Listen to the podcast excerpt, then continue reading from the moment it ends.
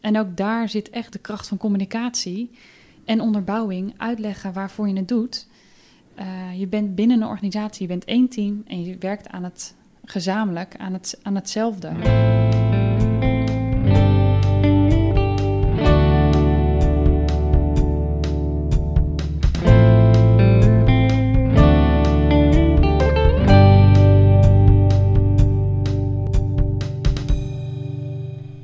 Fijn dat je weer luistert naar alweer de laatste aflevering van Grip op Informatiemanagement, onze podcast van IV-experts van 2021.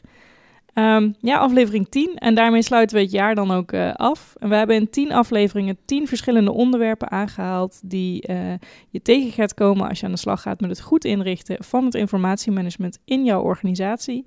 En al die mooie ontwikkelen willen we natuurlijk uh, wel graag behouden en borgen. En voor deze laatste aflevering uh, gaan we het daar dan ook over hebben. En zijn Lisa en Heidi aangeschoven. Welkom. Dankjewel. Dank je. En um, nou, om er maar gelijk uh, weer in te duiken. Ik begin vaak met iets heel simpels. En dat is gewoon even met elkaar checken. Uh, waar hebben we het nu over? Um, zodat we het ook echt over hetzelfde hebben. Voor iedereen betekenen bepaalde dingen natuurlijk iets anders. Um, en ik vraag me überhaupt af of je je informatiemanagement überhaupt perfect kan inrichten. Maar wanneer hebben we het nou succesvol ingericht? Um, nou ja, dat begint eigenlijk al met wat je, wat je verwachtingen zijn. Hè? Wat je met elkaar als uh, stip op de horizon hebt gezet. Um, en of, of je daarop aansluit. En gaandeweg heb je natuurlijk het steeds meer gespecificeerd. Van hey, wanneer vinden wij het uh, een succes? En wat punten daarin zijn, wat je daarin kan meten. Uh, zijn bijvoorbeeld gebruiksvriendelijkheid voor mm -hmm. wat de gebruiker bijvoorbeeld ervaart, de eindgebruiker. Ja.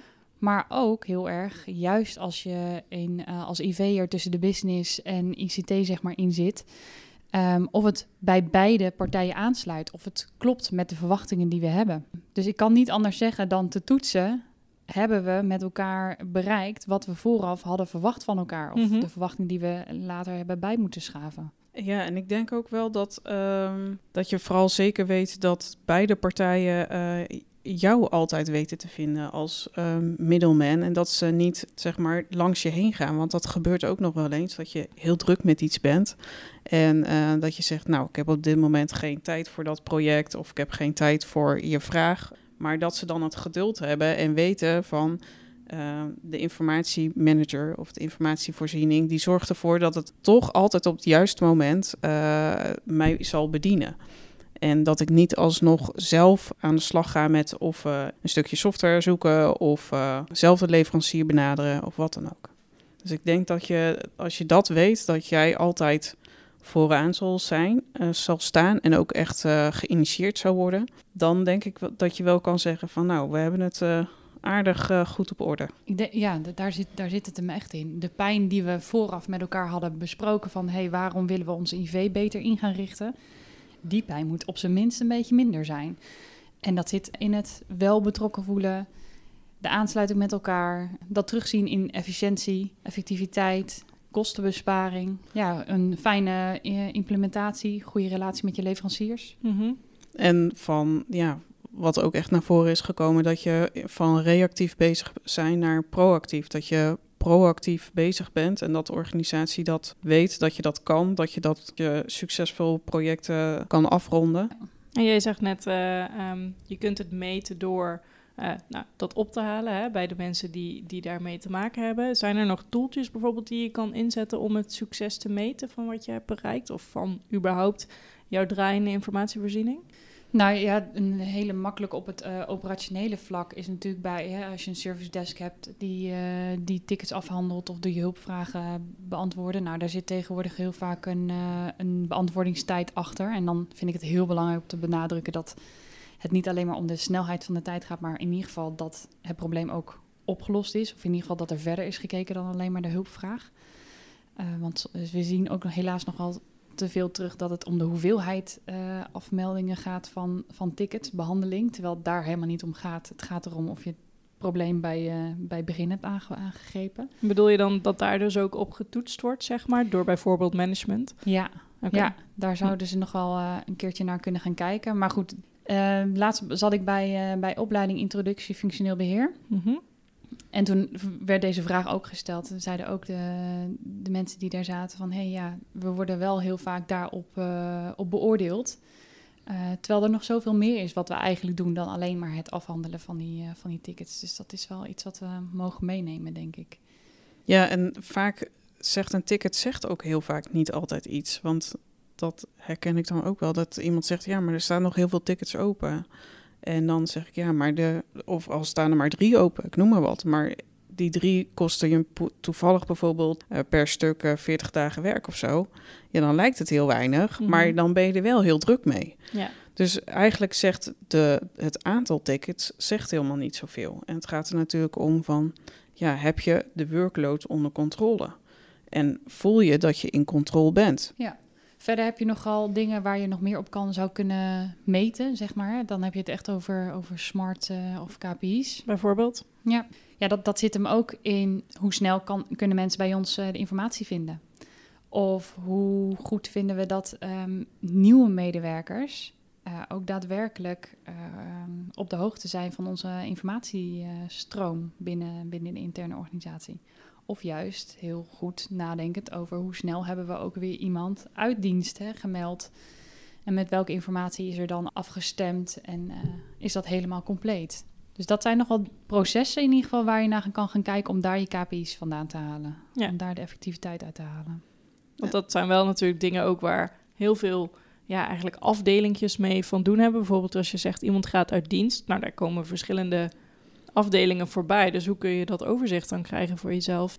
Ja, dat heeft ook weer met afstemming te maken. Als je maar goed met elkaar, met al die verschillende afdelingen in, in contact bent, dan zullen zij daar ook uh, zicht op hebben van... hé, hey, we, hebben, we hebben het voor elkaar gekregen dat als iemand uh, een maand geleden uit dienst was...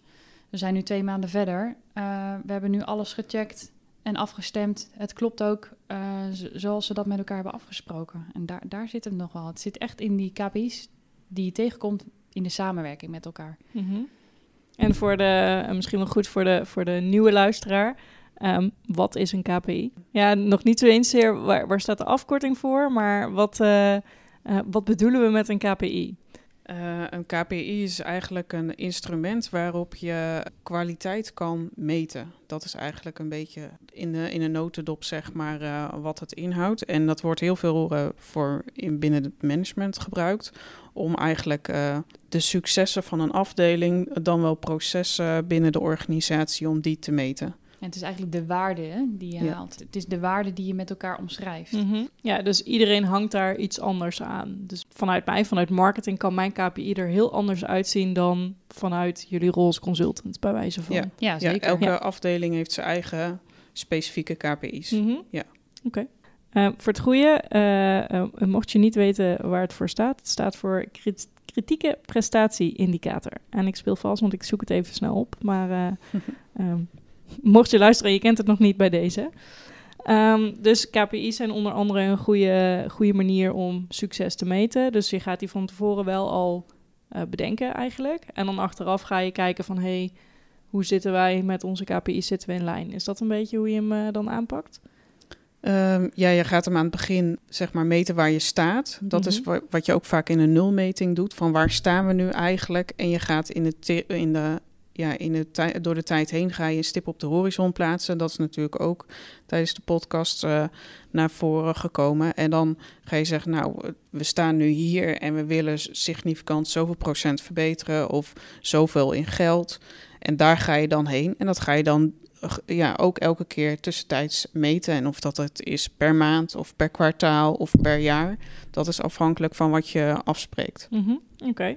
En um, nou ja, we hadden het natuurlijk al over uh, um, ja, een stukje verandering. Want um, het is leuk dat we ons succes kunnen meten, maar we hebben behoor een behoorlijke verandering uh, achter de rug. Wat nou als blijkt dat de verandering die je hebt doorgevoerd niet voor iedereen werkt?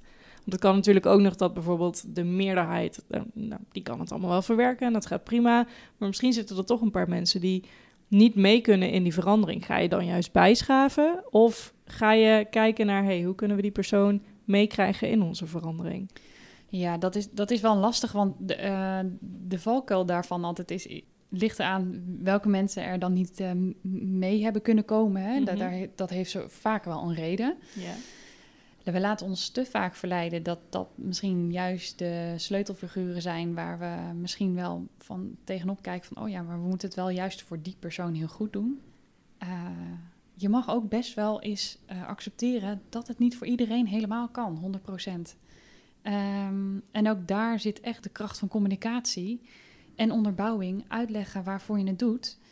Uh, je bent binnen een organisatie, je bent één team en je werkt aan het gezamenlijk aan, het, aan hetzelfde. Dus uh, wat voor de een niet heeft gewerkt, helaas, um, ook daar kan je aandacht voor hebben van uh, we hadden graag gewild hè, dat, dat, dat, dat het voor iedereen werkbaar is. Daar, dat, dat is ons niet gelukt. Of misschien heb je, als het goed is, mag je dat ook best wel incalculeren, hè, dat het niet 100% gaat. Ja, dat zijn, dat zijn dingen die je moet accepteren. Maar daar mag je wel aandacht voor hebben. Je mag het ook best wel benoemen. Van hé, hey, er is nog steeds een percentage of een groep of een bepaalde mensen die daar nog niet in mee zijn genomen. Uh, of nog niet mee zijn gegaan. En dat is prima. Ook daarin moet je niet willen doorgaan totdat die mensen overtuigd of, of, of, of ja, misschien onder, zich onder druk voelen staan om mee te gaan. Nee, ook daarvoor kan je ruimte creëren dat dat, dat, dat zo is. Dat is in de Mhm. maatschappij ook zo. Dus ook binnen een organisatie. En eh, zijn er aspecten die echt heel erg belangrijk zijn om ervoor te kunnen zorgen dat je een verandering kan borgen? Ja, ik denk ook wel het momentum. Kijk, een, een verandering uh, doorgaan en, en uh, oogsten, zeg maar, wat, wat je, waar je met z'n allen mee bezig bent, dat is ook vaak afhankelijk van het momentum. Dus zeg maar, je kan wel genoeg mensen hebben en genoeg middelen en, uh, en genoeg geld en genoeg tijd hebben. Maar soms is de organisatie er op dat moment niet klaar voor. Of um, is uh, de omgeving er op dat moment niet klaar voor. En dan zal je toch niet altijd helemaal het juiste succes behalen, ondanks dat je daar genoeg aan hebt gedaan. En dat voelt dan wel frustrerend. Maar ja, dan is soms weer net een ander moment van uh, soms heel vaak zullen, en dat zullen heel veel luisteraars ook wel uh, herkennen, van ja, dat project, komt dat nou alweer uit de koelkast? Of gaan we dit nu weer in de koelkast leggen en dan over een paar jaar alsnog ter tafel brengen? En soms is het momentum daar gewoon niet geweest. En um, voor het echt daadwerkelijk ook succesvol kunnen borgen, denk ik juist ook dat het momentum daar. Dus en zeg maar middelen, mensen, tijd en ook financiën, maar ook wel het momentum uh, van invloed op zullen zijn. En hoe weet je dat het, dat het moment daar is? Ja, dat is heel lastig. ja, dat, dat, zat ik ook aan te denken van ja, wanneer is dan het juiste moment? Omdat we nou eigenlijk net hebben gezegd van dat zal je nooit 100% kunnen voor, voor iedereen kunnen beoordelen natuurlijk. Nee. Of als je hem omdraait, misschien hoe weet je dat het moment daar niet is? Wat, uh, ja. wat zou je dan kunnen merken? Ik, de, ik denk wel, uh, ja, wat we ook wel echt leren in Scrum is gewoon goed uh, je oor te luisteren leggen. Bij de stakeholders, bij de omgeving of de doelgroep waar je het voor doet. Uh, ja, soms ben je misschien met iets heel prachtigs bezig en denkt de ander, ja, fantastisch dat je dat hebt gedaan, maar ik heb het helemaal niet nodig. Ja, ik zou hem wel willen trekken naar uh, tijd prioriteit. Want daar mm -hmm. heeft Martijn het ook heel vaak over. En daar ben ik het helemaal mee eens. Um, als het niet het juiste moment zou zijn, dan betekent het dat er prioriteiten elders liggen. En het is fundamenteel of uh, van belang dat je goed onderbouwt waarom je die verandering wil doorvoeren. Waarom doen we dit? De why, hè? daar mm -hmm. hebben we het ook al eens over gehad als je merkt dat dat, dat, niet, dat dat niet valt, dat dat niet de basis is, ja, dan kan je van alles en nog wat willen, maar dat, dat, dat gaat er niet doorheen komen. Dan gaan mensen ook niet die prioriteit zien om daar nu uh, de aandacht voor te hebben of, of uh, de mensen voor te willen organiseren, de tijd voor vrij willen maken, budgetten en dergelijke. Uh, dus dat, ja, dat zou ik echt nog een keer willen herhalen. Die why is zo ontzettend belangrijk. Maakt het dan, als je dat goed die vraag goed stelt, hè, zou je dan bijna zeggen: het maakt niet eens uit of het moment daar is, want je maakt dat het moment daar is als je dat op een goede manier doet? Ja, misschien wel. Ik denk, nou ja, misschien is corona ook wel weer een mooi voorbeeld daarvan. Die hebben we ook niet uitgekozen wanneer dat zou vallen. Mm -mm. En toch doen we het. En we, en we gaven de prioriteit om de organisatie te laten blijven draaien. Ja, en dan is er wel heel veel mogelijk. Dat, dat zie je. Ja. Dus het is echt van kijken of je goed fundamenteel kan vastleggen waarom de prioriteiten moeten zijn voor deze verandering. Ja, en daar lag natuurlijk voor iedereen lag het belang daar ook om dat goed te doen. Dus iedereen had daar ook begrip voor. Dus dan is het ook makkelijk om zoiets door te voeren natuurlijk. Gez- gezamenlijk goed. Ja. Mensen wilden gezond blijven, ehm, wilden toch aan het werk, eh, werk blijven.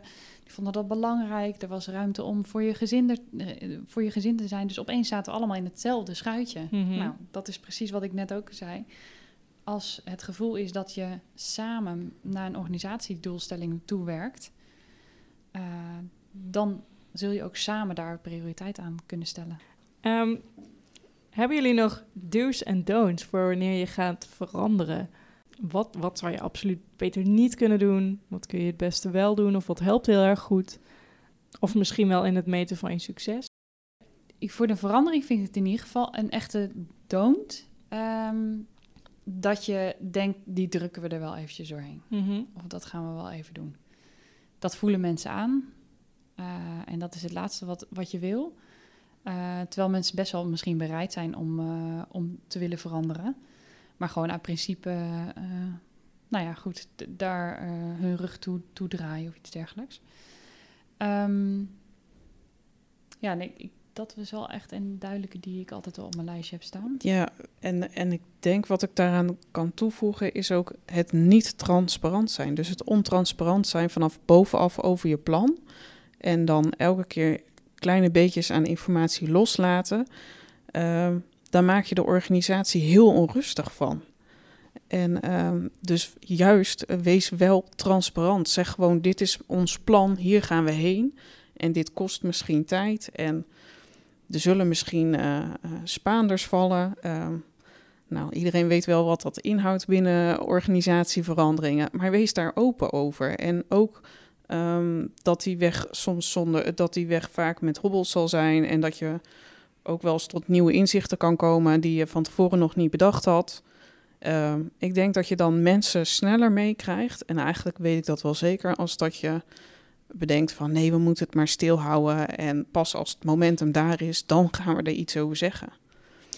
Ja, er schiet mij nu ook iets te binnen dat ik denk, ehm vind ik ook wel belangrijk om te noemen.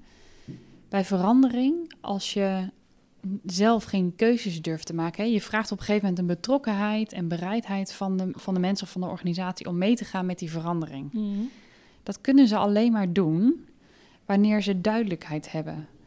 Niet in het eh, ongewisse, want jij vraagt eigenlijk ook van, ga je mee of ga je niet mee? Dat is eigenlijk de zwart-wit vraag die je stelt. Zij kunnen dat alleen maar eh, daar een keuze in maken als jij heel duidelijk stelt wat er gaat gebeuren. Vaagheid is echt dodelijk voor de verandering. Want dan weten mensen niet waar ze aan toe zijn. Ze weten niet welke keuzes ze hebben. Dus kunnen ze ook geen keuzes maken. En dus ook niet de keuze: ben ik bereid om dit op prioriteit te zetten, om mee te werken, om, ehm, nou ja, om daarin mee te gaan. Dus vaagheid is echt dodelijk. Ja, dat sluit natuurlijk mooi aan ook bij transparantie. Dus een aantal belangrijke eh, noemers. Eh, wees open, transparantie. En jij noemde net nog een, eh, een mooie. Ja, dat je, dat je niet de verandering er doorheen wilt drukken. Dus Ah, ja. dat je mm, heel erg driftig aan, aan de slag gaat. Ja. Nog, eh, nog andere dingen die we niet mogen vergeten? Ja, ik denk dat, dat ze soms ook wel onderschatten hoe, flexi eh, hoe flexibel mensen wel niet zijn. En dat zie je nu ook wel na coronatijd. En dat de meeste mensen toch wel bereid zijn om, om mee te, te werken en ergens voor te gaan. Als je dus maar een goede visie neerlegt van Mhm. daar gaan we heen met z'n allen. En dat is wat we voor ogen hebben. Dan, dan krijg je de meeste eh, mensen wel mee. En je zal altijd mensen hebben van ja, ik deel die visie, visie niet. Maar dan ben je daar wel, eh, ja, kunnen mensen in dit geval dus ook eh, snel keuzes over maken van ja, dat past niet bij mij. Eh, ja, dus dat sluit dan ook weer aan bij de andere aspecten Ja. over transparantie. Ja, dan is dat waarschijnlijk key. Dat, Ja. Ja. dat we daar, daar heel veel aandacht aan besteden als het gaat over verandering. Een stukje succes meten natuurlijk ook.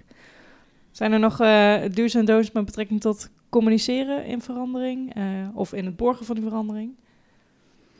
Ja, dat eh, zeker. Eh, ook hier blijft dat je ehm, onderscheid moet gaan maken tussen de mensen die je nog ehm, eh, mee moet krijgen in, in het badkuipmodel. Ik weet niet Mhm. of die al een keer is genoemd. Nog niet, dus dat is een mooie. Het is een badkuipmodel.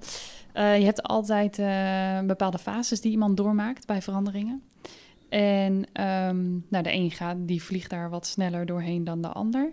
Ehm, maar per fase, per doelgroep, eh, is er een andere manier van communiceren ehm, van toepassing. Moet je iemand nog meekrijgen en uitleggen waarom iets doet, dan kan je dat beter persoonlijk doen. Dat gaan we niet met een algemeen mailtje door de organisatie heen doen, want dan, daar verlies je het op. Dus communicatie stem je echt af op de bepaalde fases die, eh, die de afdeling of de persoon doormaakt. En hoe weet je wie in welke fase uithangt? Ja, dan zou ja, dan kan het hele badkuipmodel is bijvoorbeeld een tool om dat, om dat eh, eens eh, erbij te pakken. Ehm, daar, daar zie je en bepaalde gedragingen, de antwoorden die je krijgt op je vragen, of die je juist niet gaat krijgen, Mhm. geen respons krijgen of iets dergelijks. Of iemand heel erg uit zijn emotie reageert. Eh, beredeneren en argumenteren zit er heel sterk in. Als iemand zegt ja, maar dit en dit en dit. Nou, het argument wat na de ja, maar komt, die is heel erg typerend voor in welke fase hij of zij zit. Als iemand zegt, hey, hartstikke leuk, eh, gaan we doen, ik ik ga me ervoor inzetten. Nou, dan zit hij al een beetje aan het eind. Ehm, overigens kan dat ook een valkuil zijn, want iemand kan van tevoren heel enthousiast zijn, maar als we dan op een gegeven moment vragen, goh, eh, welke investering wil jij daarvoor doen? Dan is het daar, nee, eh, ik heb geen tijd, Ja, maar ik wil er wel wat van vinden. Ehm, ook daar, eh, ja, die zie je ook wel eens terugkomen. Maar goed, ja, wat ik al zei, die, het argument wat iemand geeft om wel of niet mee te gaan, Mhm. de vragen die je stelt, de bereidheid, daaruit kan je afleiden in welke fase iemand zit. Ja, dus doe, check het badkuipmodel. Badkuipmodel. Mooi. Nog andere belangrijke communicatieaspecten die we niet mogen vergeten? Ja, als het maar op elkaar aansluit. Allemaal hetzelfde, dezelfde inhoud. Ja, is de neus ook dezelfde kant op, weten waar we mee bezig zijn. Ja. Oké. Ja. Nou, lijkt me mooi om, eh, om mee af te ronden. Ehm, grappig, want dat is ook wel een beetje de lijn die je eigenlijk door de hele, eh, de hele serie heen hoort. Wees open, zorg dat je allemaal weet waar je het voor doet. Betrokkenheid. Ehm, dus eh, nou, mooi dat we hem zo eh, samen kunnen vatten hier. Eh, dat was hem dan alweer, de allerlaatste aflevering van 2021. En ja, volgend jaar zijn we uiteraard weer bij je terug met een podcast van IV-experts over het vakgebied functioneel beheer, informatiemanagement en alles rondom de informatievoorziening. En tot die tijd zitten we natuurlijk niet stil. Je kunt altijd bij ons terecht ehm, voor onze openbare kennisbank op onze website. Eh, je kunt vrijblijvend je vragen aan ons stellen. Wij denken graag met je mee over eh, de optimale inrichting van de informatievoorziening in jouw organisatie. Dus eh, wil je meer van ons weten, check gewoon even de website iv-experts.com. En dank jullie wel voor jullie, voor jullie aanschuiven vandaag en tot volgend jaar. Tot volgend jaar. Tot volgend jaar.